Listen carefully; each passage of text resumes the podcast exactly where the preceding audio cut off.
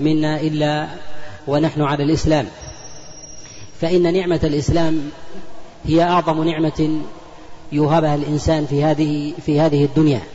ولهذا قال الله جل وعلا في كتابه العظيم قل بفضل الله وبرحمته فبذلك فليفرحوا هو خير مما مما يجمعون. فأعظم نعمة يمن الله جل وعلا بها على عباده ويجب عليه أن يفرح. أعظم من أي فرحة كانت. من مال وولد وغير ذلك هي نعمة الإسلام. والله جل وعلا يوفق ويهدي إليها من يشاء رحمة منه ولطفا. ثم إنه من الأصول المهمة في دراسة الأفكار وكذلك الرجوع إلى معرفة أقوال الناس وأصولهم هو أن يرجع الإنسان الشيء إلى أصله ومنبعه ولو كان بعيدا. حتى يتصور الإنسان ذلك القول أو ذلك الفكر أو ذلك العرق أو ذلك الجنس أو ذلك البلد. فإذا انتزعه من تاريخه وكذلك أيضا من سياقه فإن الإنسان لا يمكن أن يتصور أن يتصور ذلك المعلوم على على صورته الحقة. فيجهل شيئا ويعلم ويعلم شيئا ويحضره شيء ويغيب ويغيب عنه أشياء. ولهذا الله سبحانه وتعالى كثيرا ما يخاطب الإنسان ويذكره بأصله حتى يعرف الإنسان مقامه من التشريع وكذلك من موضع النزاع. فإذا عرف الإنسان مقامه من خالقه أدرك حقيقة الخلاف بينه وبين وبين الخالق. ولهذا قال الله جل وعلا في كتابه العظيم هو الذي خلقكم من تراب ثم من نطفة ثم ثم من علقة ثم يخرجكم ثم يخرجكم طفلا.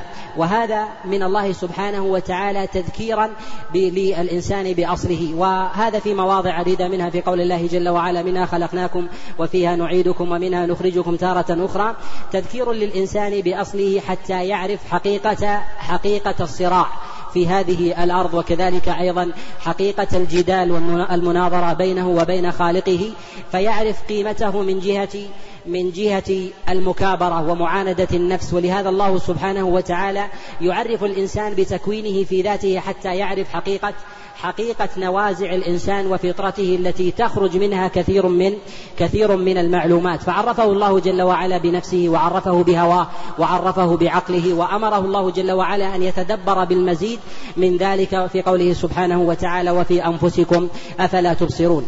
إرجاع الشيء إلى أصله يحسم كثيرا من النزاع. لمن أراد لمن أراد الحق. ولهذا لما جادل الله سبحانه وتعالى أهل الكتاب في حقيقة في حقيقة عيسى قال الله جل وعلا إن مثل عيسى عند الله كمثل آدم خلقه من تراب. فالله جل وعلا بين حقيقة عيسى عليه السلام وأرجعه إلى أصله حتى يعرف الإنسان ذلك الأصل ثم يجادل ثم يجادل عليه. كذلك فإن الإنسان إذا عرف تراكيب المعلومات وحللها فإنه يسهل عليه أن يركبها مرة أخرى. فإن أهل النظر والعقل من الفلاسفة وغيرهم يقولون أن الإنسان إذا لم يتمكن من تحليل الشيء فإنه يشق عليه تركيبه. والذي يعتاد تحليل الأشياء فإنه يسهل عليه تركيبها بعد ذلك. وهذا كما أنه في المعاني والمعلومات كذلك أيضا في الحسيات والمعلومات والمدركات بالحس أو باللمس. فإن الإنسان الذي يحللها يسهل عليه إرجاعها وهذا في سائر المدركات والمعلومات.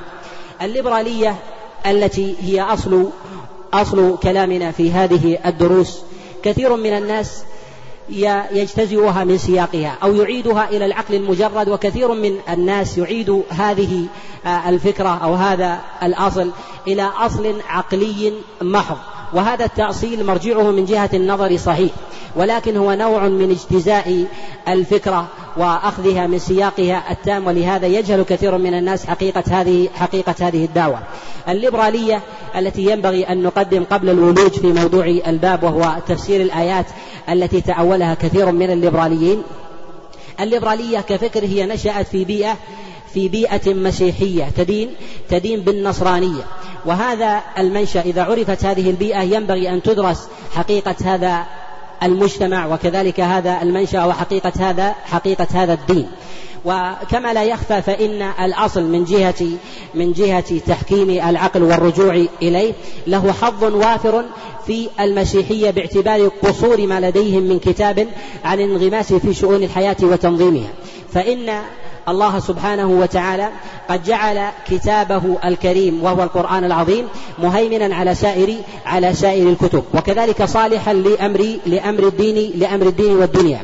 وجعل تمامه مشيرا إلى قصور كثير من الكتب السماوية الماضية باعتبار عدم الاشتراك في مجموع الخصائص. فإن الله جل وعلا قد جعل كتابه صالحا لكل زمان ومكان وجعل الرسول الذي حمل ذلك الكتاب مرسلا إلى الناس كافة كما قال الله جل وعلا وما أرسلناك إلا كافة للناس وقال الله جل وعلا إني رسول الله إليكم جميعا وكذلك أيضا في قول الله سبحانه وتعالى تبارك الذي نزل الفرقان على عبده ليكون للعالمين نذيرا فالله جل وعلا قد أنزل كتابه للعالمين وهؤلاء العالمين يقتضي تنوعهم تنوع أفكارهم وكذلك مصالحهم ومشاربهم ومقتضى ذلك أن يكون القرآن صالح لسائر تلك لسائر تلك الأنواع والأجناس. إذا عرف الإنسان ذلك عرف البون بين كتاب الله جل وعلا القرآن وما خصه الله جل وعلا بجملة من الخصائص التي تباينت عن سائر عن سائر الكتب.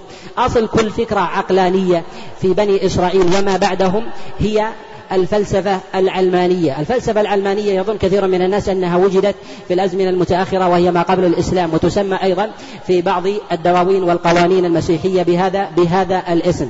الفكر المسيحي أو المجتمع المسيحي ينقسم في بيئته وتركيبه حتى قبل الإسلام إلى قسمين. المجتمع أو القسم الأول هم الإكليروس وهم رجال الكهنوت ورجال الدين وهؤلاء الذين يجعلون من أنفسهم الواسطة بين الخالق والمخلوق. وهؤلاء هم رجال الدين الذين يسمون برجال الدين أو رجال الكهنوت أو رجال أو رجال اللاهوت أو القساوسة أو القديسون ونحو ذلك. هؤلاء هم الذين يربطون سائر الناس برب العالمين. القسم الثاني هم العلمانيون. العلمانيون مسائر ما كان خارجا عن رجال عن رجال الدين. رجال الدين من من أهل الكنيسة قد اختصوا بجملة من الخصائص لا يشاركهم في ذلك أحد من سائر من سائر الناس. يختصون بالتعميد فإن الإنسان لا يولد لا يولد إلا بتعميد إلا بتعميد من القس أو أو رجل أو رجل أو رجل الكهانة وهو رجل اللاهوت أو القس حتى يعمده أن يثبت تدينه بالنصرانية. فإذا ولد المولود في البيئة النصرانية ولم يثبت على هذا على هذا النحو فإنه لا يعترف بديانته من بكونه نصرانيا. كذلك فإن ملازمته برجال الكهنوت بصلته بسائر الأنواع من جهة التعميد في ابتداء ولادته كذلك في أثناء حياته فيما يقترفه من ذنب. فإذا اقترف ذنبا فإنه لا يتوب إلى الله جل وعلا مباشرة وإنما يذهب إلى القديس أو يذهب إلى القس أو رجل أو رجل الكهنوت أو اللاهوت فيتوب عنده ويعطيه صك الغفران. فلا يمكن أن يصل إلى الله جل وعلا إلا بواسطة إلا بواسطة أولئك. كذلك أيضا فإنه في حياته حتى أمر الزواج فإنه لا يتزوج إلا إلا بتشريف وتشريع من ذلك من ذلك النوع وهو القسم الأول. كذلك أيضا في حال وفاته فإنه لا يموت على الملة وعلى الفطرة المسيحية إلا إلا بتدشين وتشريع من من رجال الكهنوت فإنهم يقومون على تغسيله وتكفينه بذواتهم ومن غسله من غيرهم فإنه لا يكون قد مات على على تلك الملة. وهذا منفك عن بيئة الإسلام. ولا يوجد في شريعة الإسلام هذا التقسيم من جهة من جهة الأصل. والذي يوجد في الإسلام والذي يوجد في الإسلام علماء الدين وعلماء الفقه الذين يبلغون الرسالة مجردة إلى غيرهم ببيان الحق ويسألون ويبلغون النص ولهذا قال رسول الله صلى الله عليه وسلم مبينا حقيقتهم كما جاء في المسند وغيره من حديث عبد الله بن عمر وكذلك أبي هريرة وأبي الطفيل أن رسول الله صلى الله عليه وسلم قال يحمل هذا العلم من كل خلف عدوله ينفون عنه تحريف الغالين وانتحال المبطلين وتأويل وتأويل الجاهلين. ولا يوجد شيء اسمه رجال دين حتى حتى يقابل حتى يقابل ذلك رجال رجال الدنيا. ولا يوجد قسم أول حتى يقسم حتى يقسم الثاني. كذلك فإن الإنسان ليس بحاجة في ولادته أن يشب بإيمانه فإنه يولد في مجتمعات الإسلام على فطرته التي فطره الله جل وعلا عليها وينشأ على ذلك. كذلك أيضا بالنسبة لزواجه يحتاج في ذلك إلى شاهدين من سائر المسلمين سواء من البقالين أو الجزارين أو سائر البسطاء في الشارع يشهدون على زواجه ويتم من ذلك زواجه وليس بحاجة إلى تعميد إلى تعميد أحد. كذلك أيضا بالنسبة لطلاقه على هذا على هذا النحو. كذلك أيضا بالنسبة لتوبته إذا وقع في ذنب. فإن الشارع يؤكد أن الإنسان لا يصرف توبته إلا لله جل وعلا ولا يجعل وسيطا بينه وبين الله. وأن من حدث بذنب قد اقترفه غيره فإنه قد جهر بالمعصية. ولهذا كل الأمة معافى إلا من جهر كما يروى في الخبر عن رسول الله صلى الله عليه وسلم. ولهذا فإن الإنسان إذا وقع في ذنب يتوب إلى الله جل وعلا بينه وبين الله ويكتم سره. ومن بلغ غيره بذلك الذنب من غير حاجة فهذا ممن؟ ممن هتك ستر الله جل وعلا عليه وقد ذمه الله جل وعلا. فلا يوجد في الشريعة صكوك غفران وإثبات توبة من عدمها وإنما هو دلالة إلى الخير بأن يذهب الإنسان إلى إلى إلى إلى الله جل وعلا ويتضرع إليه ويتوب ويستغفر. فلا يوجد صلة بين الإنسان وبين عبده ولا يوجد هذا التقسيم. بل شدد علماء الإسلام كما كان رسول الله صلى الله عليه وسلم يبين ذلك الأمر بكلام الله جل وعلا وكلام رسول الله صلى الله عليه وسلم يشدد بتحريم الواسطة بين العبد وبين وبين ربه. ولهذا قال الله جل وعلا في كتابه العظيم في بيان أنواع سائر العبوديات أنه لا يمكن أن تتحقق العبودية التامة التي أمر الله جل وعلا بها إلا بصرفها لله جل وعلا خاصة. ولهذا قال الله جل وعلا في كتابه العظيم وما أمروا إلا ليعبدوا الله مخلصين له الدين وقال الله جل وعلا إن الله لا يغفر أن يشرك به بل شدد رسول الله صلى الله عليه وسلم في ذلك وقد جعل الوسائل الموصلة إلى الشرك من وسائل الشرك وجعلها من الشرك الأصغر الذي قيل في كلام بعض العلماء أنه يدخل في أبواب الشرك الأكبر الذي لا يكفره الله جل وعلا. فشدد العلماء وأنكروا على كثير من البدع التي دخلت التي دخلت في دين في دين الإسلام. فحرموا كثيرا من الوسائل من تعليق التمائم والتولة والشرك وكذلك آه، تعليق الخيط وكذلك التعلق بالأوهام من الكواكب والنجوم مما لم يبين الله جل وعلا سببه شرعا أو قدرا. وكذلك أيضا بيان أن الغيب من حق الله جل وعلا. ليس لأحد أن يدعي علم الغيب لا العلم الماضي ولا العلم المستقبلي. فالعلم المستقبلي لا يمكن لأحد أن يعلمه أن يعلمه بالقطع إلا الله جل وعلا. وأما العلم الماضي فإن الإنسان قد يعلمه ولكن بالطريقة المحسوسة إما بنقل الأخبار أو بوجود الآثار المحموسة الملموسة التي تجد التي يجد الإنسان بها أثرا لغيره فيثبت وجوده في هذا الأمر. وهذا من المدركات وهذا من الأمور المدركة بالحس. وقطع الشارع كثيرا من الأمور التي تحدث حتى في الأزمنة المتأخرة ما يسمى بقراءة الكف أو قراءة الأبراج باعتبار أنها أوهام تربط بين الإنسان وبين ربه بحلقة وتلك الحلقة لا بد من إزالتها وهي وهي الشرك. ولهذا شدد أهل الإسلام على هذا الأمر أنه لا يوجد واسطة بين بين المسلم وغيره. فتركيب بيئة الإسلام تختلف عن بيئة عن بيئة المسيحية ولهذا نعلم أن العلمانيين الذين هم القسم الثاني وجودهم قد أنشأ البذرة بالانفكاك والانفصال عن رب العالمين عن سائر عن سائر الناس وأن مردهم إلى هؤلاء. إن ظلموا ظلموا معهم وإن صدقوا صدقوا صدقوا معهم. فوقع نوع من الضلال والانحراف الذي أثبته الله جل وعلا في كتابه العظيم. كان ثمة ضلالات في هذا المعنى وهذه الدلالة ولما كان منشأ العمل بالعقل وكذلك هذه الفئة وهي سواد الناس الذين يسمون بالعلمانيين هم أكثر الناس دعا كثيرا من الناس إلى أن يكون من العلمانيين وأن لا يكون من القسم من القسم الأول. وذلك أن القسم الأول قد حرم على نفسه أشياء لم يحرمها الله جل وعلا. من ذلك أنهم حرموا على أنفسهم الزواج فكان للرجال الكهنوت وكذلك آه، اللاهوت وكذلك أيضا نساء النساء اللاهوت ألا يتزوجوا وألا يتزوجن ويحرم عليهم ويحرم عليهم عليهم الزواج. فوقعوا في كثير من من مناقضة الفطرة فوقع فوقعوا في شيء من الفواحش ومخالفة أمر الله سبحانه وتعالى بإشباع بإشباع الغرائز. والقاعدة الفطرية أنه ما من فطرة غرسها الله جل وعلا في الإنسان فيلغيها فإلغاء الفطرة الموجودة ممتنع من الشرع. ولكن الشارع يثبت أصل الفطرة ولكن ينظمها كحال كحال الإنسان في إطلاقه البصر فإن الله عز وجل قد رزقه بصرا وهذا يقتضي إطلاق البصر وهذه فطرة فالله جل وعلا ما أمره بالعمى والانكفاف وإنما منعه من أشياء وجعله يسرح في الباقي كذلك الشهوة الغريزية للمرأة جعلها الله جل وعلا منظمة بقيد وضوابط ولم يكبتها ولا يوجد فطرة غريزية مكبوتة في الإسلام وإنما هي منظمة في هذا الأمر فلا منع ولا ولا انفلات ولا انفلات في ذلك. وهذه آه، التقسيمات كانت من التحريف الذي نال نال شريعة شريعة أهل الكتاب الذي قام به الأحبار والرهبان.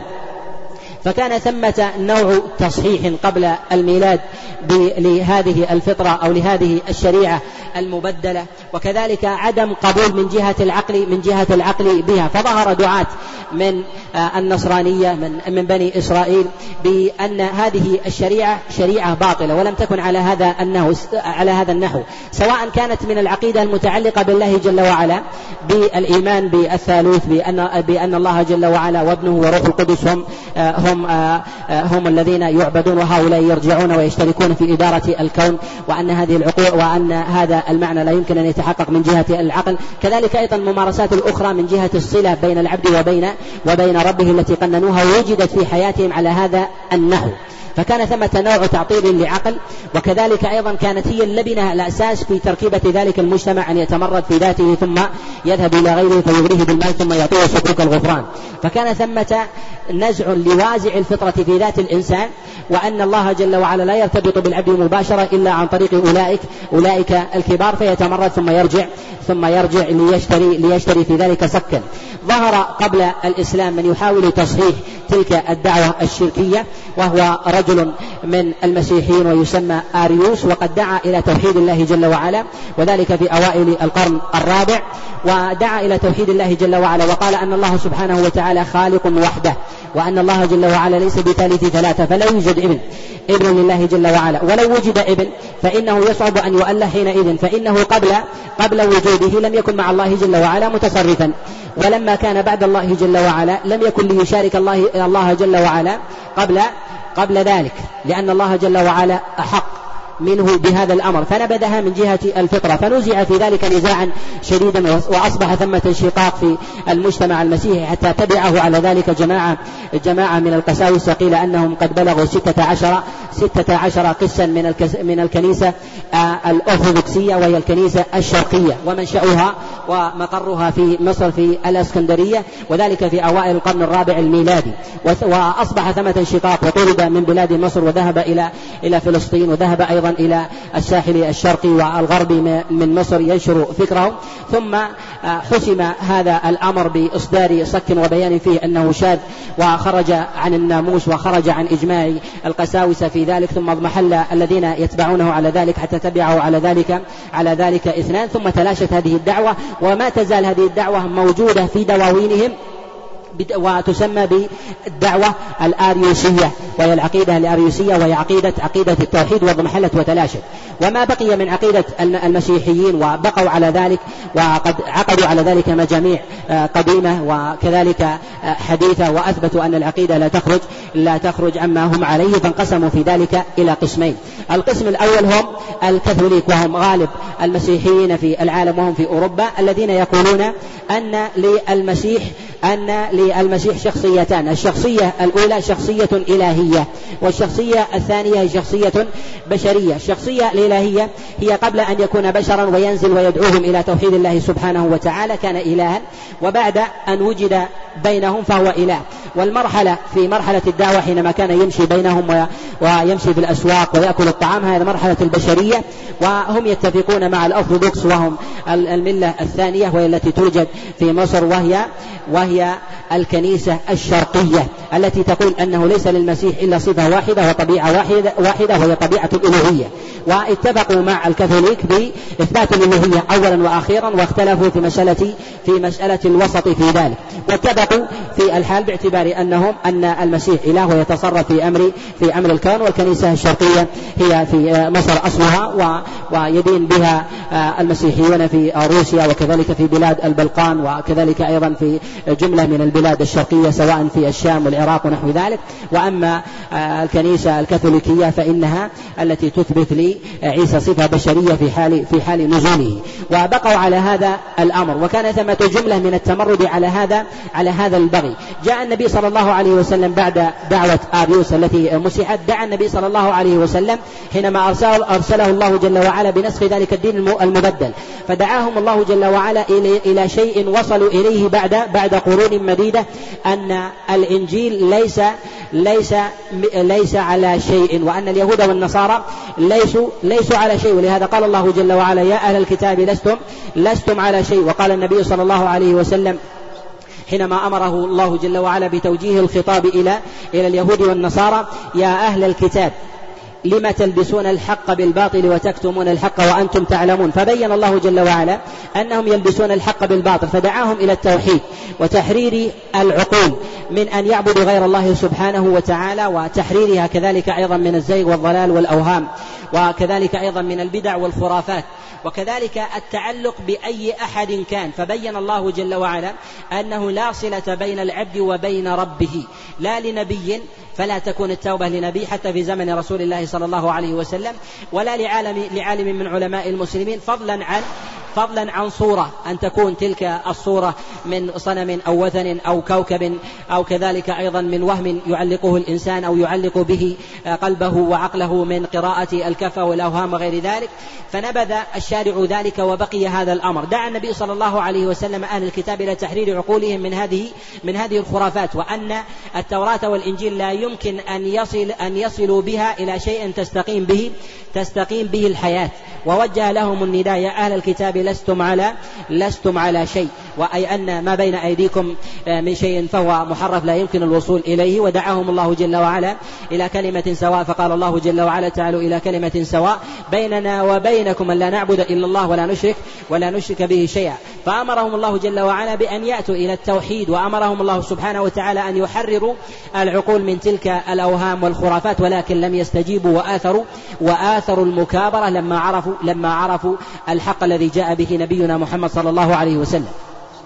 جاهد النبي عليه الصلاة والسلام النصارى وبين لهم تحريف الكلم كما تقدم الإشارة إليه في نصوص كثيرة.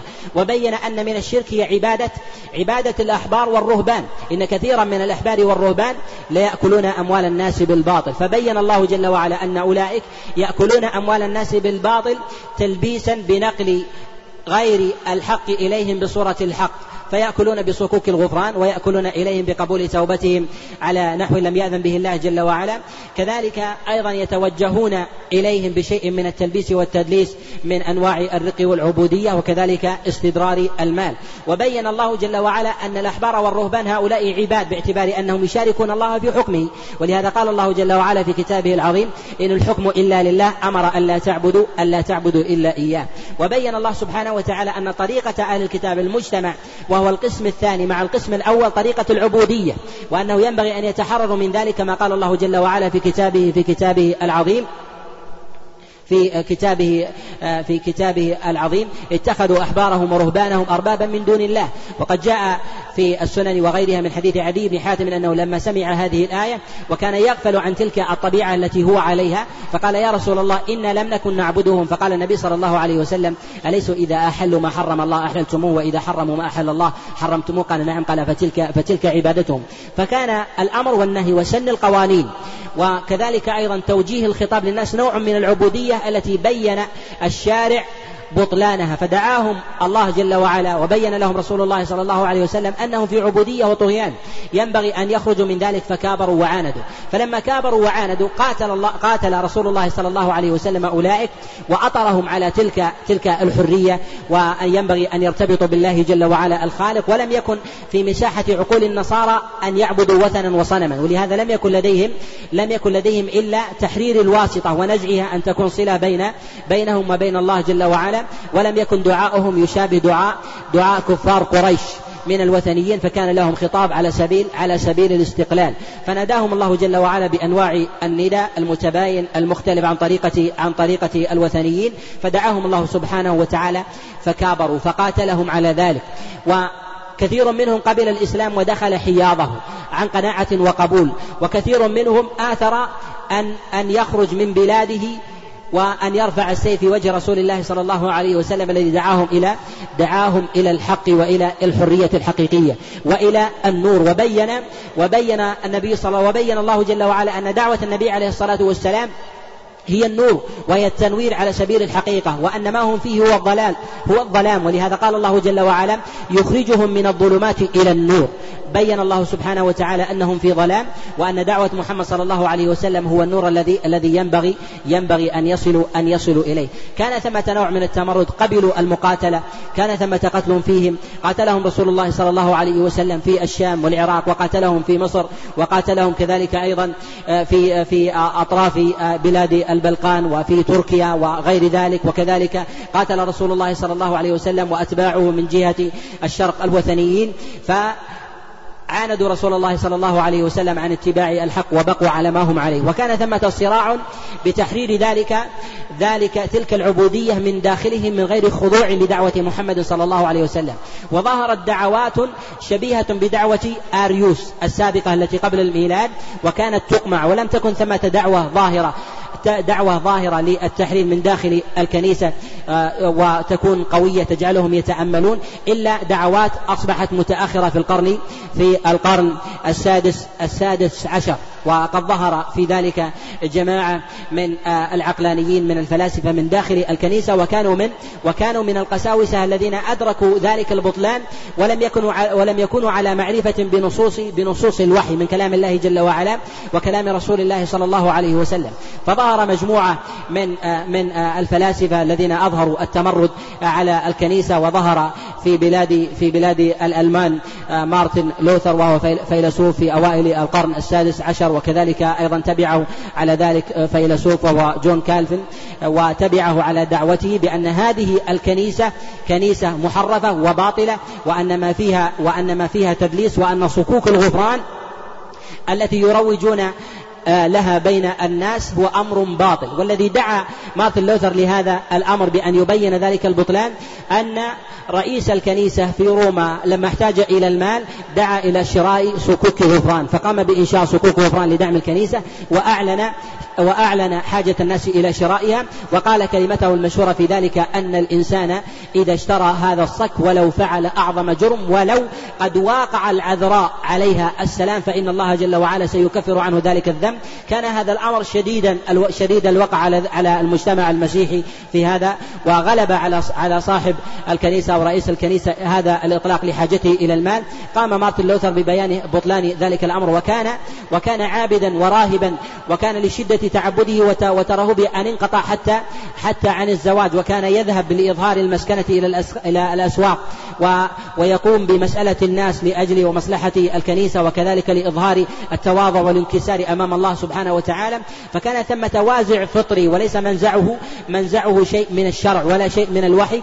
فقام بمعارضة ذلك الأمر وكذلك أيضا دعاه إلى الانفصال عنها والدعاء إلى أن هذا نوع من البطلان وكذلك أيضا الزيغ وأظهر في ذلك ميثاقا وبيانا وكتبه بمعارضة صكوك الغفران. ما كان إلا أن اجتمعت الكنيسة برئاسة آه، رئيس الكنيسة في روما أن أصدر فيه أمرا يجرم فعله وخروجه وكذلك نزع الكهنوتية منه. فدعاه في ذلك إلى أن خرج من عباءتهم وأخرج ما في جعبته ودفعه ذلك إلى مزيد من التعامل ببيان البطلان الذي هم عليه. فأبطل أمر عدم الطلاق في شريعتهم ودعا إلى الزواج وأن ما يدعون إليه من تحريم الزواج على رجال الكهنوت واللاهوت الذين يسمون الإكليروس كما تقدم الإشارة إليه أن هذا من الأمور الباطلة وتزوج براهبة إمعانا ببيان بطلانهم وأنهم على زيغ وضلال.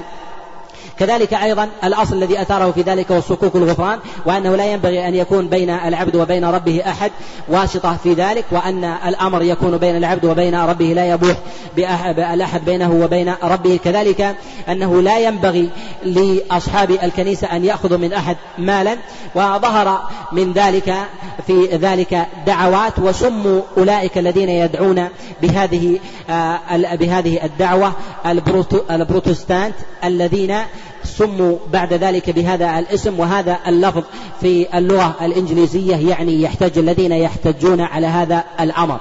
فسموا بهذا الاسم ونشأت كنيسة ثالثة هي خارجة عن الكاثوليك والأرثوذكس بهذه الكنيسة وكان روادها مارتن لوثر ومارتن لوثر وكذلك أيضا كالفن وظهروا على هذا النحو وأنشأوا هذه الكنيسة وأثاروا مسألة التقشف وكذلك وضع التماثيل. ولهذا الكنائس الذي تنتمي إليهم للبروتستانت.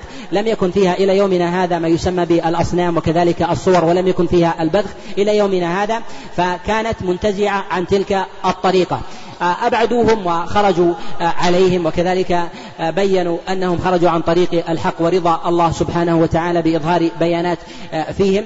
كانت هذه الظاهرة هي من داخلهم ولم تكن نزعة نزعة إسلامية وإنما نزعة نزعة فطرية. كان مردها إلى العقل ولكن هذا العقل مشوب بجملة من النقائص. فلم يخرجوا عن كثير من العقائد التي كانوا عليها كعقيدة التثليث وإنما أنكروا كثيرا من تصرفاتهم مسائل من المسائل الدنيوية وإن كانوا وإن كانوا من داخل من داخل الك من داخل الكنيسة. لما كان دعاة هذه هذه الفئة مارتن لوثر وكذلك أيضا جون كالفن دعوا إلى هذه الدعوة ومنابذة الكنيسة وهي كنيسة روما على هذا على هذا النحو. أصبح لهذين أتباع أتباع كثر يدعون إليه. ولما كانت كان هذا التصحيح مرده إلى العقل يريدون أن يصححوا دين محرف. بعقل مجرد. وهذا من الأمور من الأمور المحالة أن يكون ذلك النظام صحيحا بالعقل المجرد. انقسم أتباع مارتن لوثر وكذلك كالفن بفئتين فتقاتلا وتصارعا بالردود وكذلك بالسنان تقاتلوا على مدى ثلاثين على ثلاثين عاما.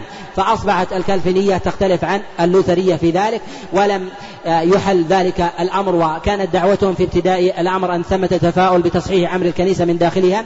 فلما وقع الصراع لم ينزع ذلك الصراع بعد وفاة هذين بنحو مئة مئة عام بأتباعهم إلا باجتماع مندوبون باجتماع آه، مندوبين من من سائر بلاد أوروبا وذلك عام 1648 للميلاد. اجتمعوا اجتمعوا على أن على أن الدين الكنسي أو الدين المسيحي لا صلة له لا صلة له بالسياسة ولا بحياة الناس. فحسم الخلاف بين اللوثرية والكالفينية وخرجوا بهذا الأمر وأن الكاثوليك وكذلك أيضا اللوثرية وكذلك الكالفينية هي ديانات تسامح كل يعبد الله عز وجل كما يريد وأنه لا يصلح الناس إلا أن يفصل أمر أمر سياسة الناس ومجتمعهم عن عما هم فيه من تعبد فنشأ ما يسمى بتسامح الدين في ذلك في ذلك الزمن لديهم.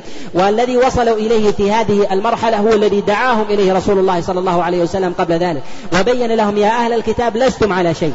وبين لهم رسول الله صلى الله عليه وسلم أنهم يحرفون الكلمة الكلمة عن مواضعه فوصلوا إلى نصف المرحلة وهي أن التوراة والإنجيل ليست بصالحة للحياة وهو الذي قاتلهم رسول الله صلى الله عليه وسلم وآثروا إراقة الدماء والأسر والعبودية. وأن أن يجلوا من ديارهم وبلدانهم إلى أطراف أوروبا. فدخلت العراق وكذلك الشام وكذلك أيضا بلاد تركيا ومصر في في الإسلام وآثروا البقاء بدفع الجزية ومغادرة ومغادرة كثير منهم بلدان المسلمين وأقروا بذلك بعد تسعمائة سنة بما دعا إليه رسول الله صلى الله عليه وسلم. ولما كان هؤلاء هؤلاء المفكرون الذين وصلوا إلى ما وصلوا إليه بعيدون عن معاقل الإسلام. ولم تكن ولم يكن دين الإسلام قد وصل إليهم ناضجا كان كانت تلك الدعوة هي دعوة فطرية. فيها نوع تأثر ب فيها نوع تأثر بالإسلام بالفطرة أو ربما بالمخالطة ونحو ذلك. والذين يدعون إلى الإسلام وهيبة لقلوبهم وعرقهم تمتزج الأعراق وكذلك أيضا الشعوبية وكذلك قيمة البلدان بما هم بما هم فيه ولا يستطيعون أن ينتقلوا فحينئذ يصلون إلى شطر الحقيقة الذين يستطيعون أن يخرجوا منه وهو أن يخرجوا الناس إلى إلى ما هم مما هم فيه من ظلام ويخرجونهم إلى حرية إلى حرية الدين. فلا يستطيعون أن يدخلونهم في الإسلام ولا في غيره. فدعوا إلى حرية الدين وهذا أقصى ما يصلون إليه لأنهم لو دعوا إلى الإسلام لقتلوا وصلبوا وصلبوا ولم ولم يقبل منهم ذلك لأنه لأنه يظهر يظهر في تلك المجتمعات التعصبات العرقية ولو لم تكن دينية كذلك أيضا آه كذلك الإقليمية والقطرية فتشترك وتمتزج مع الدين ولا يقبل منهم ذلك الحق. فرضوا بأن بأن تكون الحرية حرية حرية دين أن يخرج الإنسان من الدين الذي الذي هو فيه ويخرج إلى إلى ما يريد فظهر لديهم في ذلك الزمن حرية حرية حرية الدين والانتقال من الدين الذي هم فيه إلى ما يريدون. وبدأ الغرب يؤسس لمسألة الحريات في ذلك الزمن. وهذه الحريات كانت دعوة يسيرة. وبعد ذلك الانفصال الذي أسسوه في القرن السابع وهو أن الدين المسيحي وأن الكتاب المقدس لا علاقة له بالسياسة وأنه بعد هذا الصراع الطويل لا يمكن أن تحكم أن يحكم الدين ذلك ذلك الأمر في مجتمعاتهم وأحوالهم وأن هذه أمور خاصة للناس وأن هذه الديانات كلها ديانات تسامح الكاثوليكية والأرثوذكس وكذلك أيضا البروتستانت أن هذه ديانات يأخذون منها ما يشاءون وكلها دين تسامح وكلها تؤدي إلى الله جل وعلا. وصلوا إلى هذا الأمر. أسسوا في ذلك الزمن الذي يسمى بالليبرالية السياسية. فظهر ذلك الأمر في ذلك الزمن في القرن السابع ولكنها مشوبة بجملة من من من الظلم والكبت وكذلك عادات الناس التي لم يصححها لم يصححها أحد وكانت من جملة تحكيمات العقول. وكان في أوروبا ما يسمى ما يسمى بقهر العمال والذي يسمى بالإقطاع. فكان لدى الأوروبيين والبيئة المسيحية عبودية تختلف عن عبودية الإسلام والرق في الإسلام. الرق في الإسلام سببه الكفر والأسر. أن من لم يرضى بحرية محمد صلى الله عليه وسلم وقبل بأن بأن يقاد خلف هؤلاء الذين حرفوا كلام الله جل وعلا من الأحبار والرهبان فليأتي إلى العبودية عبودية الإسلام أن يكون قنا وكذلك أيضا معبودا يباع ويشترى ولا يجوز ولا يجوز أن يؤخذ من ذلك حق فإن لطمه صاحبه تحرر. وكذلك جعل النبي صلى الله عليه وسلم كما هو ظاهر في كلام الله جل وعلا وكذلك في كثير من نصوص السنة جعل النبي صلى الله عليه وسلم كثيرا من الذنوب تكفر بتحرير بتحرير أولئك من كفارة اليمين وكفارة الظهار وكذلك أيضا كذلك أيضا قتل النفس وغيرها من الكفارات وحث أيضا على عتق عتق الرقاب في نصوص كثيرة بتحرير هذا الأمر ما يدل على أن هذا الأمر لم يكن مقصودا مقصودا في ذلك ولكن هو إخراج لهم من بيئتهم التي هم فيها حتى يعيشوا حرية الإسلام والإيمان عن قرب بعيدا عما هم فيه ولو كانوا ولو كانوا قد بقوا على ما هم على ما هم على ما هم عليه. بقي في تلك البيئة عبودية منفكة عن عبودية ورق عن رق الإسلام. والرق في المجتمعات في في هذه الأرض. يختلف عن الرق لدى المجتمع المسيحي لا في في عصر اليونان وفلاسفتهم وكذلك أيضا في في الإسلام كان كان هذا الرق في أوروبا يختلف. وذلك أن أن العبودية في أوروبا هي عبودية للأرض. فكانت المزارع فيها فيها أناس يعملون يعملون فيها. والعبودية لهذه الأرض لا يخرجون منها. فإذا باع هذه الأرض يكون معه أولئك أولئك العمال. وهؤلاء العمال لا يخرجون منها إلى أي أرض أخرى. وهؤلاء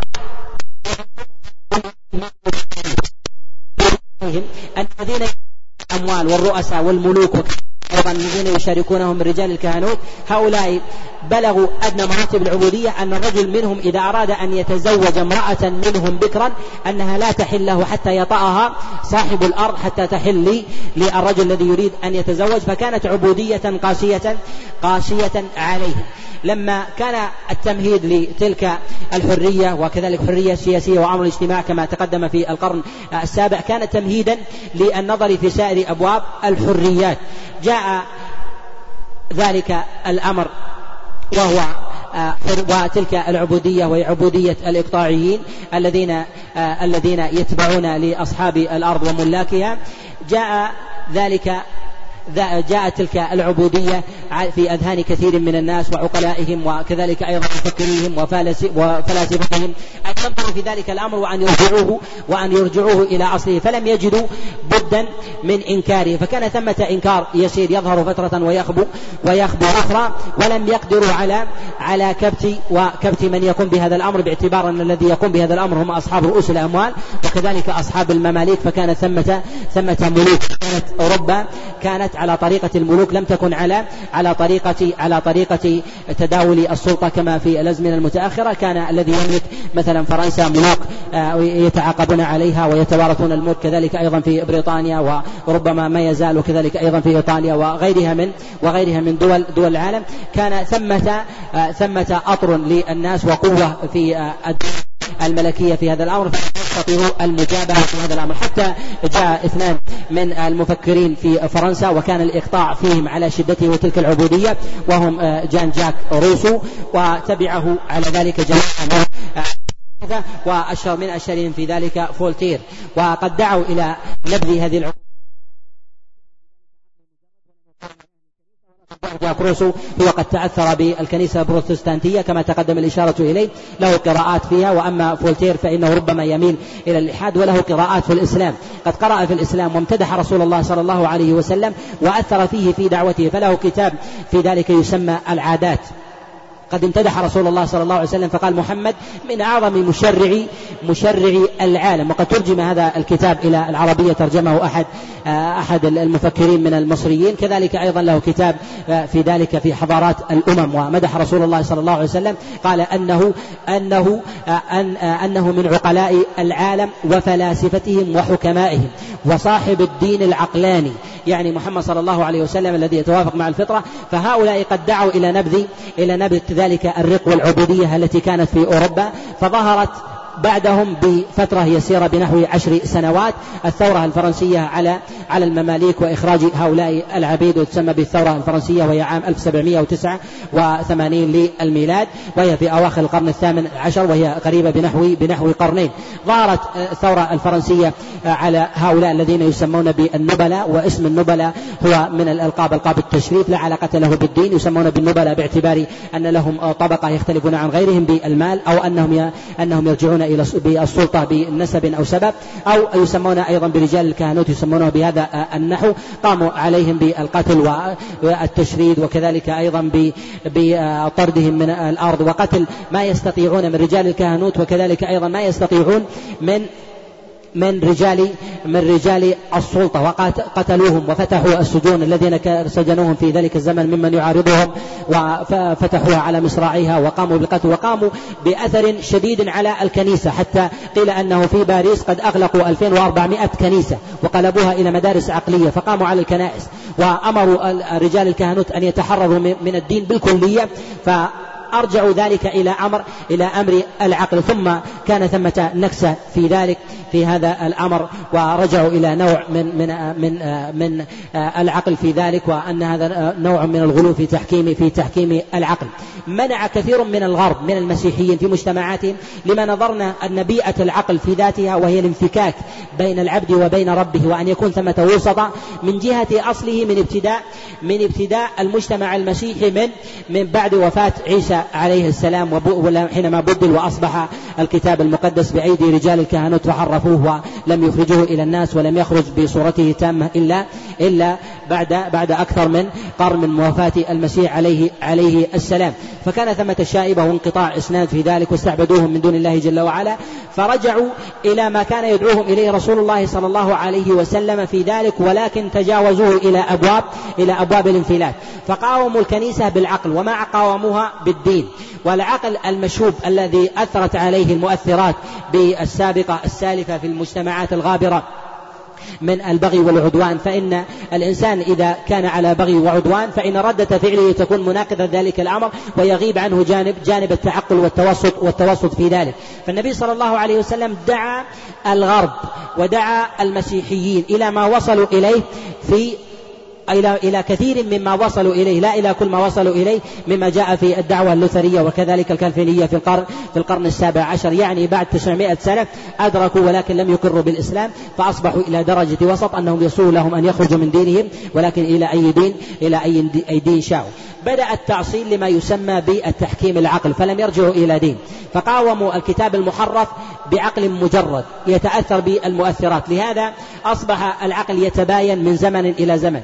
فأصبحت الليبرالية متشعبة في أبواب السياسة وكذلك أيضا في أبواب المجتمع وفي أبواب الاقتصاد وخرجوا بنتيجة تامة يتفقون عليها أن الإنسان ينبغي أن تحيا فيه حرية حريته في ذاته من, غي من أي مسيطر كان وأصبحوا يقرؤون في تاريخ الكنيسة والبغي والظلم والقهر ولا أنه ينبغي ألا يعود فأصبح ذلك الهاجس لديهم حتى غلوا وجنحوا وجنحوا في ذلك وأصلوا ذلك الأمر وهي الحرية الفردية أنه ينبغي أن يحرر الإنسان من كل مؤثر عليه.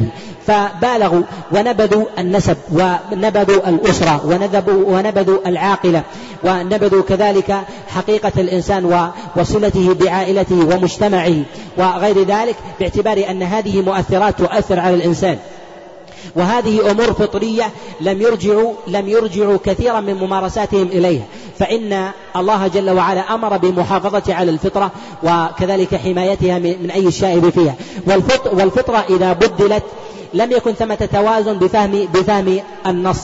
فظهر لديهم مع الزمن في القرنين الماضيين تطور ما يسمى بحرية بحرية الفرد.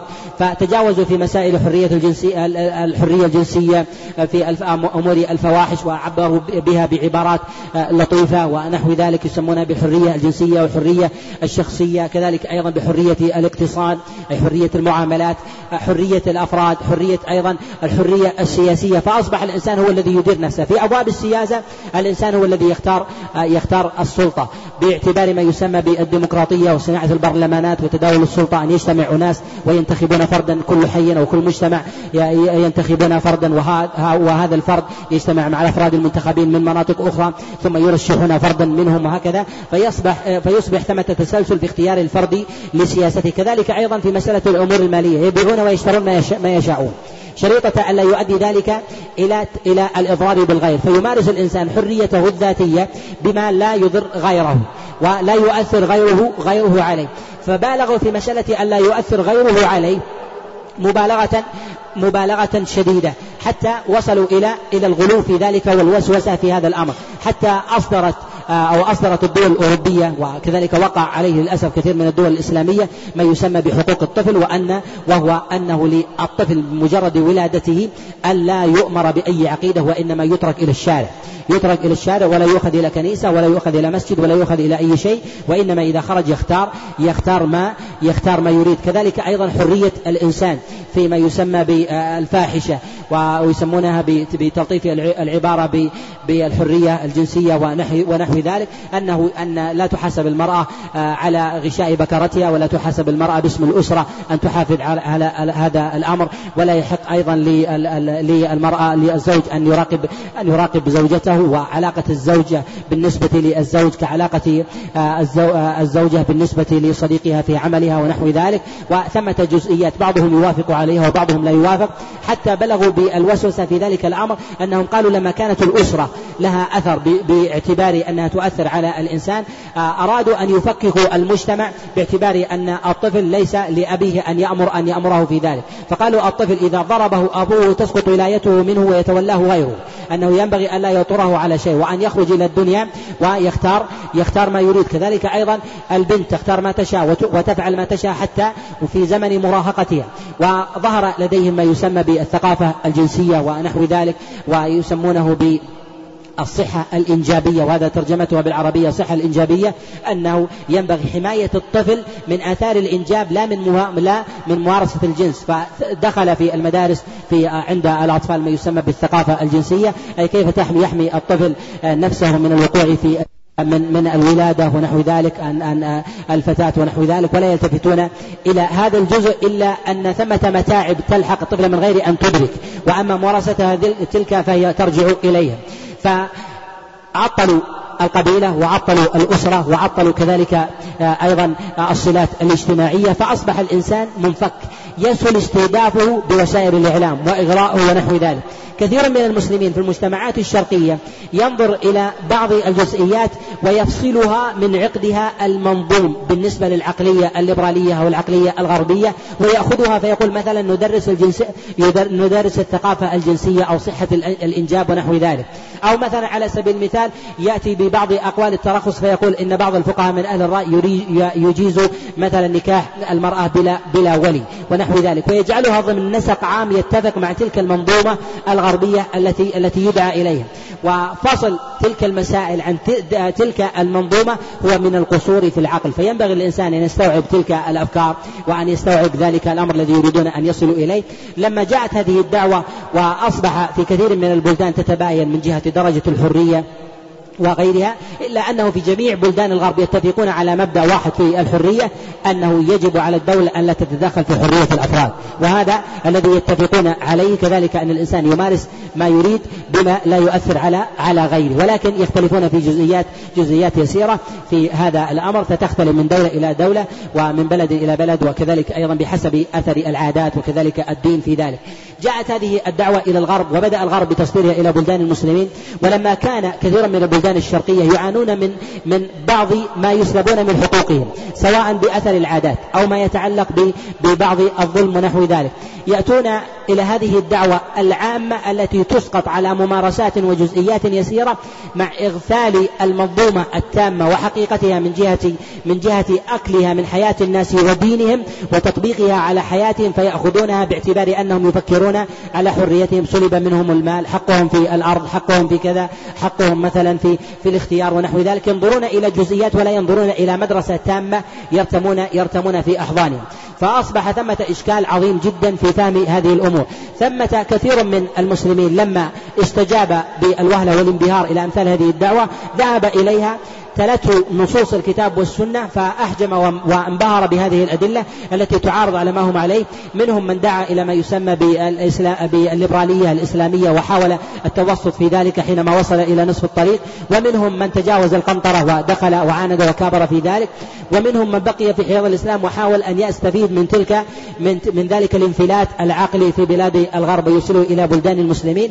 وهؤلاء لا يخلون من من أخطاء. فأصبح كثير منهم يؤصل لكثير من المسائل التي التي يراها آه، في بلدان الغرب يريد تطبيقها على نحو قاصر أو أو معارض لكلام الله جل وعلا.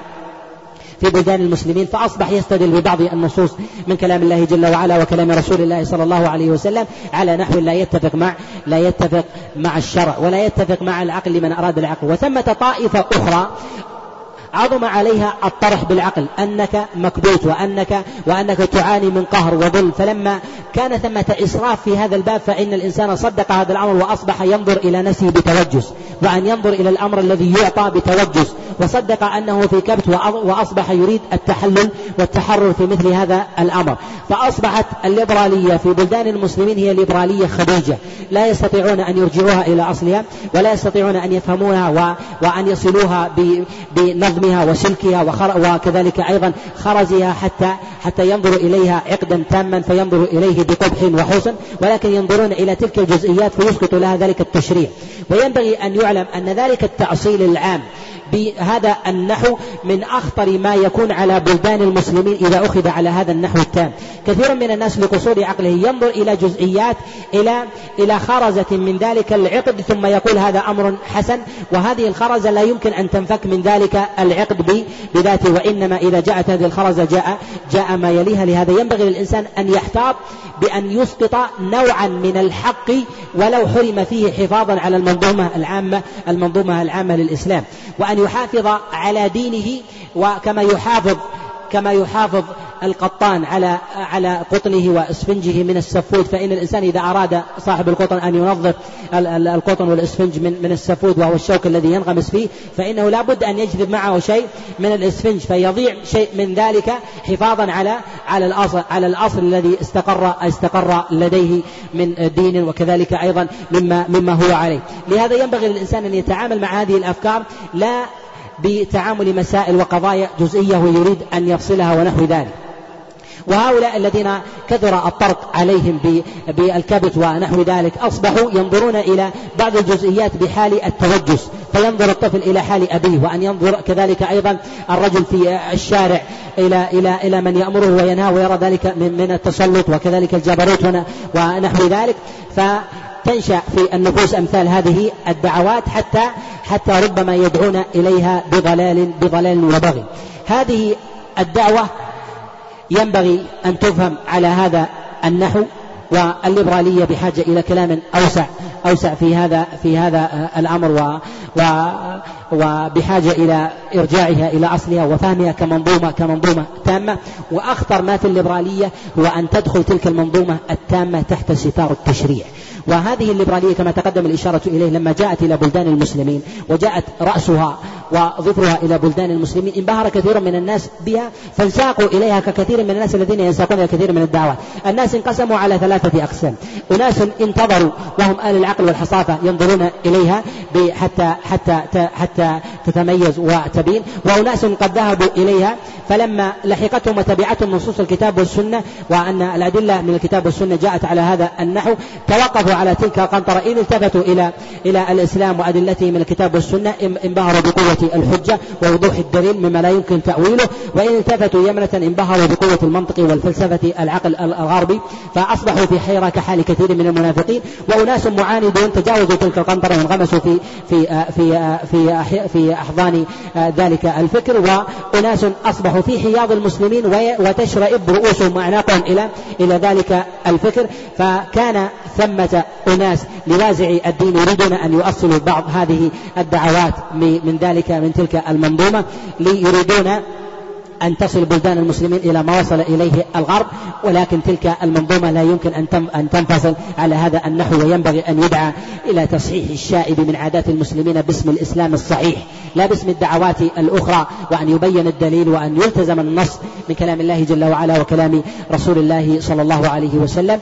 وهذا آه، هو كما تقدم الإشارة إليه هو من أخطر الأنواع أن يشرع لتلك المنظومة بجزئيات يسيرة. الأمر الذي ينبغي أن يلتفت إليه أن النبي صلى الله عليه وسلم يسقط الحق إذا كان لفرد أن لا يدخل تحت ستار مظلة ضالة وهو هدم أصل عام وقد جاء في الصحيحين وغيرهما أن النبي صلى الله عليه وسلم قد مر على رجل وهو يعظ أخاه في الحياة فقال إنه قد إنه قد أضر بك. فقال له رسول الله صلى الله عليه وسلم دعه فإن الحياء لا يأتي لا يأتي إلا بخير. النبي صلى الله عليه وسلم لما رأى دعوة هذا الرجل يريد أن يعيد حق فرد. بنقض أصل عام وهو أصل الحياة. زجره النبي عليه الصلاة والسلام وقال دعه فإن الحياة لا تأتي إلا بخير فأبطل حق ذلك الرجل ولم يبحثوا لماذا؟ لأن حقوق الأفراد لا ينبغي أن تكون أن أن أن تذهب تحت آه، مظلة فاسدة أو بإهدار مظلة مظلة عظيمة وهي مظلة الإسلام كثير من الناس يريد أن يأخذ من المظلة العظيمة سلكا أو خيطا فيجر من تلك المظلة ما ينفعه هو في حرية فرده ونحو ذلك وينسى أن تلك المظلة ستأتي وتضله وتضل غيره ويتساقط معها كثير من الأحكام التي لا يمكن أن تتفق مع الإسلام لا أصولا ولا ولا فروعا. نحن في هذه المحاضرات نتكلم على تلك الجزئيات وتلك الأدلة التي يستدل بها كثير من من أهل الإسلام الذين ربما بعضهم يحسن الظن بهم من كتاب وربما طلاب علم أو دعاة أو ربما ممن يساء الظن بهم الذين يلتمسون الدليل ولا يلتمسون ولا يلتمسون الغاية منه. فكان ثمة حاجة ماسة لجمع الأدلة التي يستدل بها هؤلاء وهذا مما يفتقر أو تفتقر إليه دواوين العلم وكذلك أيضا المعرفة. ولا أعلم أحدا من تكلم أو جمع الآيات التي يستدل بها هؤلاء وفحصها وتكلم عليها وبين الشبهة التي يريدونها في أمثال هذه الأدلة حتى تصح للناس العقول ويسلم لهم الدين. فلا يمتزجوا في هذه فلا يمتزجون في شائبة. هم أحوج ما يكونون للبعد للبعد عنها. الغرب حينما أخذ وعاد إلى ما دعا إليه رسول الله صلى الله عليه وسلم من من غير إقرار بأن التوراة والإنجيل ليست في شيء وأن أهل الكتاب ليسوا على شيء كما نداهم رسول الله صلى الله عليه وسلم بعد 900 سنة. ذلك الانفلات العقلي الذي هم فيه. هل سينتظرون إلى مثل تلك المدة حتى يرجعوا عن العقل الذي هم فيه من أبواب الانفلات؟ و وهذا ما لا ينبغي لعقلاء الغرب وكذلك عقلاء الإسلام أن ينساقوا أمثال ذلك. وقد وهبهم الله جل وعلا ذلك الكتاب العظيم الذي هو تبيان لكل شيء وهو محفوظ. لا يشابه لا يشابه غيره ولهذا قال الله جل وعلا إنا نحن نزلنا الذكر وإنا له لحافظون. كثير من المسلمين الذي ينغمس في الدراسات الغربية ينقل الخلاف الذي كان بين الفئتين بين الإكليروس وكذلك أيضا المجتمع الألماني من الغربيين من الغربيين الذي الذي اندثر ذلك الأمر في الأزمنة المتأخرة. ينقل ذلك الخلاف والخلاف وتلك القراءات إلى ساحة المسلمين ويسقطها عن الإسلام. وينبغي أن يعلم أن الإسلام لا يمكن أن يواجه بأمثال بأمثال هؤلاء. الإسلام دين محكم وهو قائم إلى قيام قيام الساعة. وقد ندم كثير من أصحاب الأفكار القومية القطرية أو العالمية آه، أو سائر الفلاسفة الذين الذين واجهوا الإسلام سواء من الماركسيين آه، البعثيين أو الاشتراكيين الشيوعيين وغيرهم. بمواجهة بمواجهة الإسلام ندموا ندما ندما شديدا. ولهذا ولهذا داعي آه، داعية مؤسس البعث ميشيل عفلق في آخر حياته قد عمل معه لقاء فقال ندمت أن واجهت أن واجهت الإسلام والإسلاميين. قيل له لماذا؟ قال حينما واجهت الإسلام فقدت نصف نصف أتباعي. وذلك أن ذلك الكتاب والسنة هو محكم بين من أراد المحاججة وانغمس فيه رجع رجع إلى الحق لأن الإنسان هو صاحب فطرة والإسلام هو هو دين الفطرة التي فطر الله جل وعلا الناس الناس عليها. الله سبحانه وتعالى أنزل كتابه العظيم محكما بينا. هو الذي أنزل عليك الكتاب. منه آيات محكمات هن أم الكتاب. يعني أصله. وأخر متشابهات. هذه المتشابهات هي التي يتشبث بها كثيرا من من الناس بتسويل أو تسويق كثير ما يريدون من الأهواء وربما بعضهم يحسن الظن به ولكن لقصور من العلم في ذلك ينساق خلف كثير من الدعوات. ظهر كثير ممن يتشبث بأمثال هذه المتشابهات لحكمة أرادها الله سبحانه وتعالى. هذه المتشابهات بين الله جل وعلا آه، حال الناس فيها. فأما الذين في قلوبهم زيغ فيتبعون ما تشابه منه. ابتغاء الفتنة وابتغاء تأويله يعني لهم مقصد لهم مقصدان في ذلك. المقصد الأول ابتغاء الفتنة وإثارة الزعزعة وإفقاد المستقية في الإسلام وضرب هذا بهذا حتى يقال أن الإسلام مما مما يتعارض. وهذا قد بينه الله جل وعلا وأرجع المتشابه إلى إلى المحكم وينبغي أن يفهم أن يفهم على سياقه. الأمر الآخر ابتغاء تأويله أي تشريع أمر يناقض الإسلام ولا يريدون التضاد بالإسلام. فلم يرجعوا المتشابه إلى المحكم وإنما عطلوا المحكم وأخذوا وأخذوا بالمتشابه. قال عبد الله بن عباس عليه رضوان الله تعالى في قول في قول الله جل وعلا وأخر متشابهات. قال المتشابهات هي منسوخ القرآن ومقدمه ومتأخره و و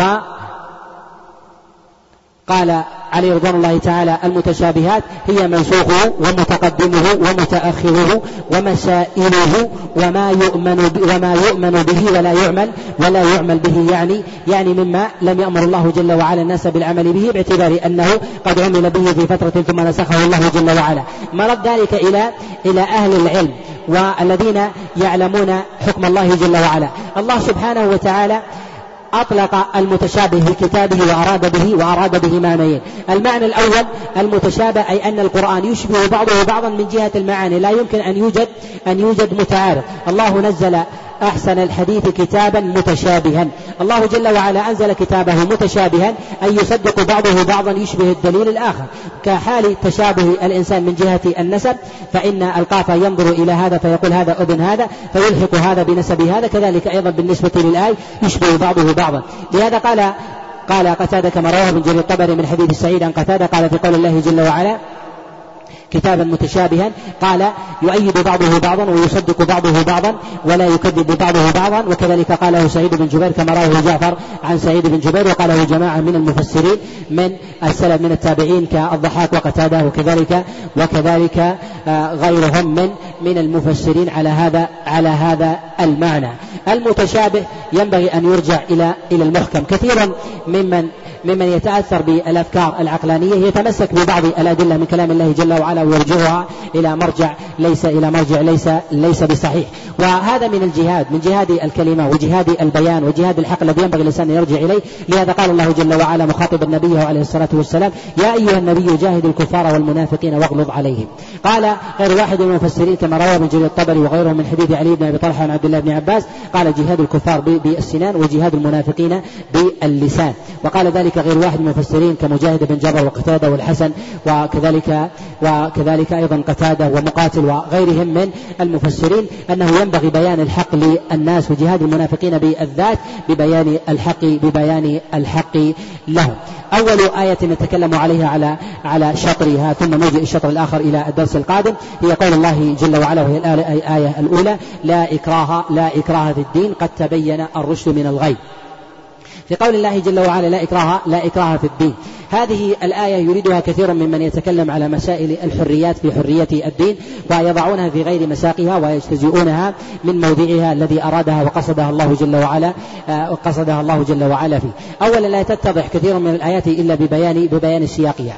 آه، وإذا بان سياقها وكذلك أيضا اتضح سبب النزول الذي نزلت في هذه الآية اتضح للإنسان الحكم الذي أراده الله جل وعلا بعيدا عن توهمات كثير كثير من الناس.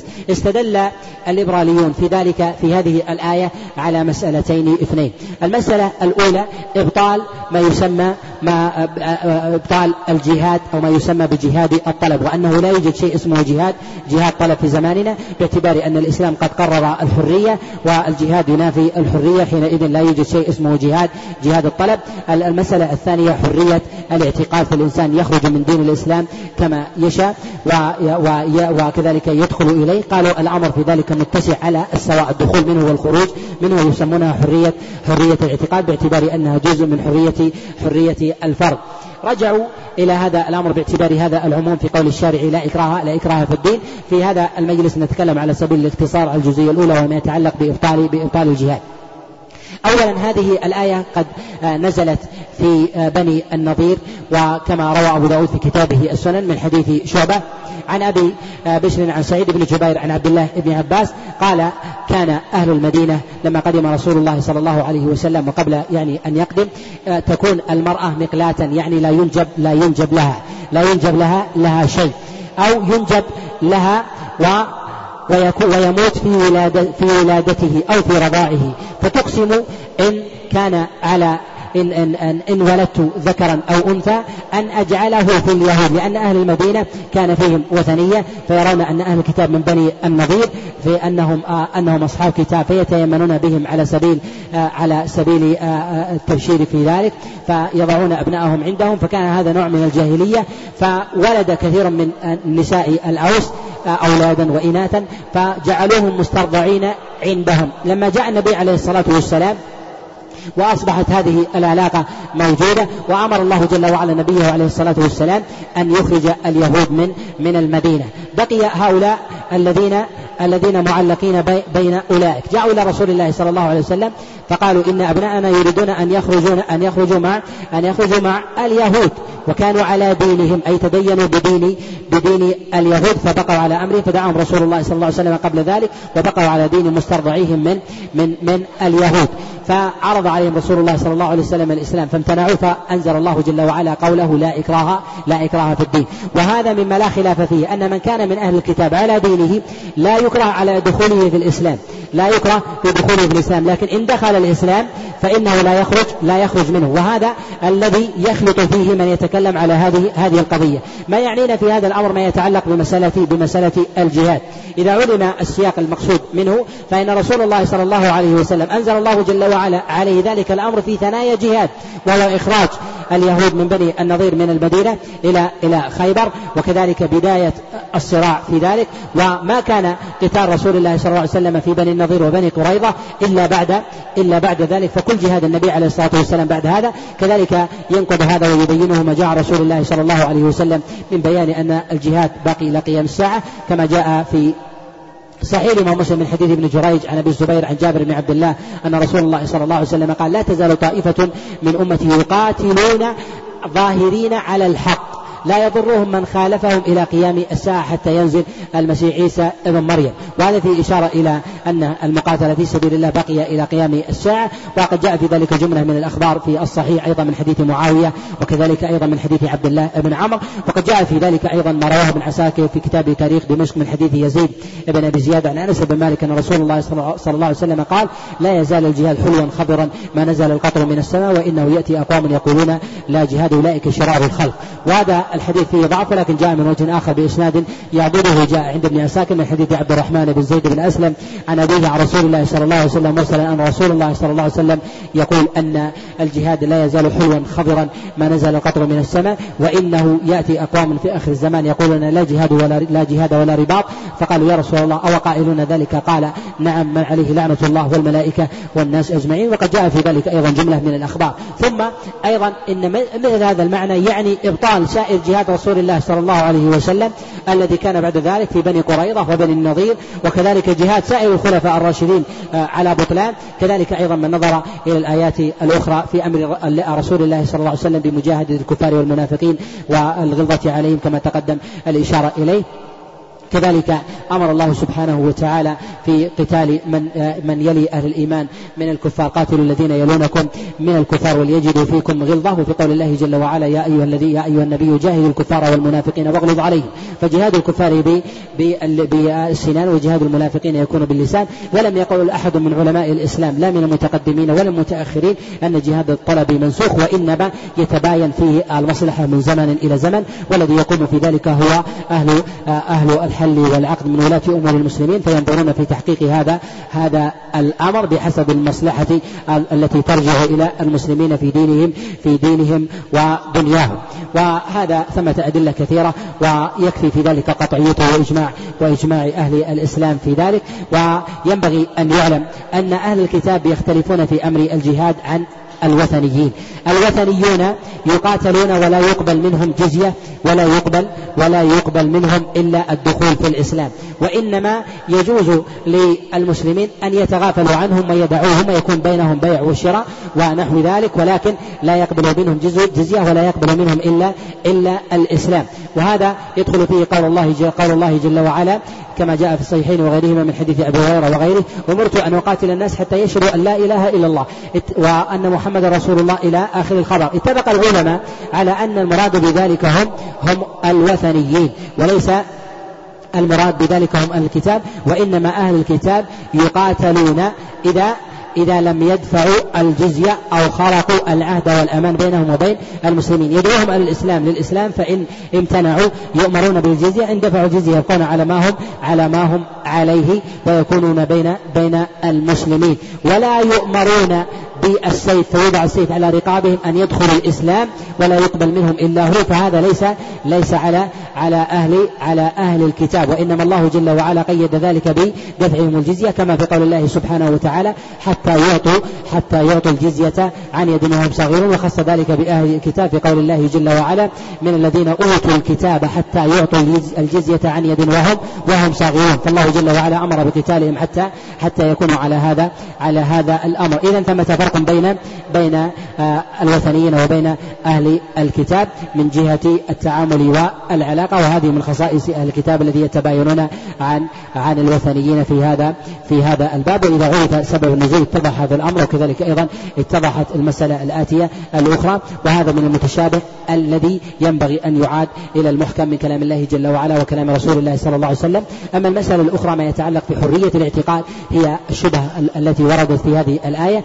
نتكلم عليها بإذن الله عز وجل لأنها تحتاج إلى كلام طويل في المجلس القادم بإذن الله سبحانه وتعالى ونجيب على ما تيسر من أسئلة وورد وورد فيها مما يتعلق بالباب ونعتذر عما خرج عن خرج عن موضوع اليوم. هنا يسأل عن معنى كلمة الليبراليين. الليبرالية هي الحرية فيقال ليبرالي يعني حر هذا أصلها من جهة من جهة الاشتقاق. على هذا على هذا المعنى. ثم توسعوا في أبواب المعنى وتصنيفه إلى إلى حريات حرية اجتماعية واقتصادية وسياسية وتنوعوا في تقسيمات حريات الأفراد وغير ذلك مما يأتي بعض جزئياته بإذن الله وهذا بحاجة إلى إلى كلام مطول ومفصل في هذا الأمر.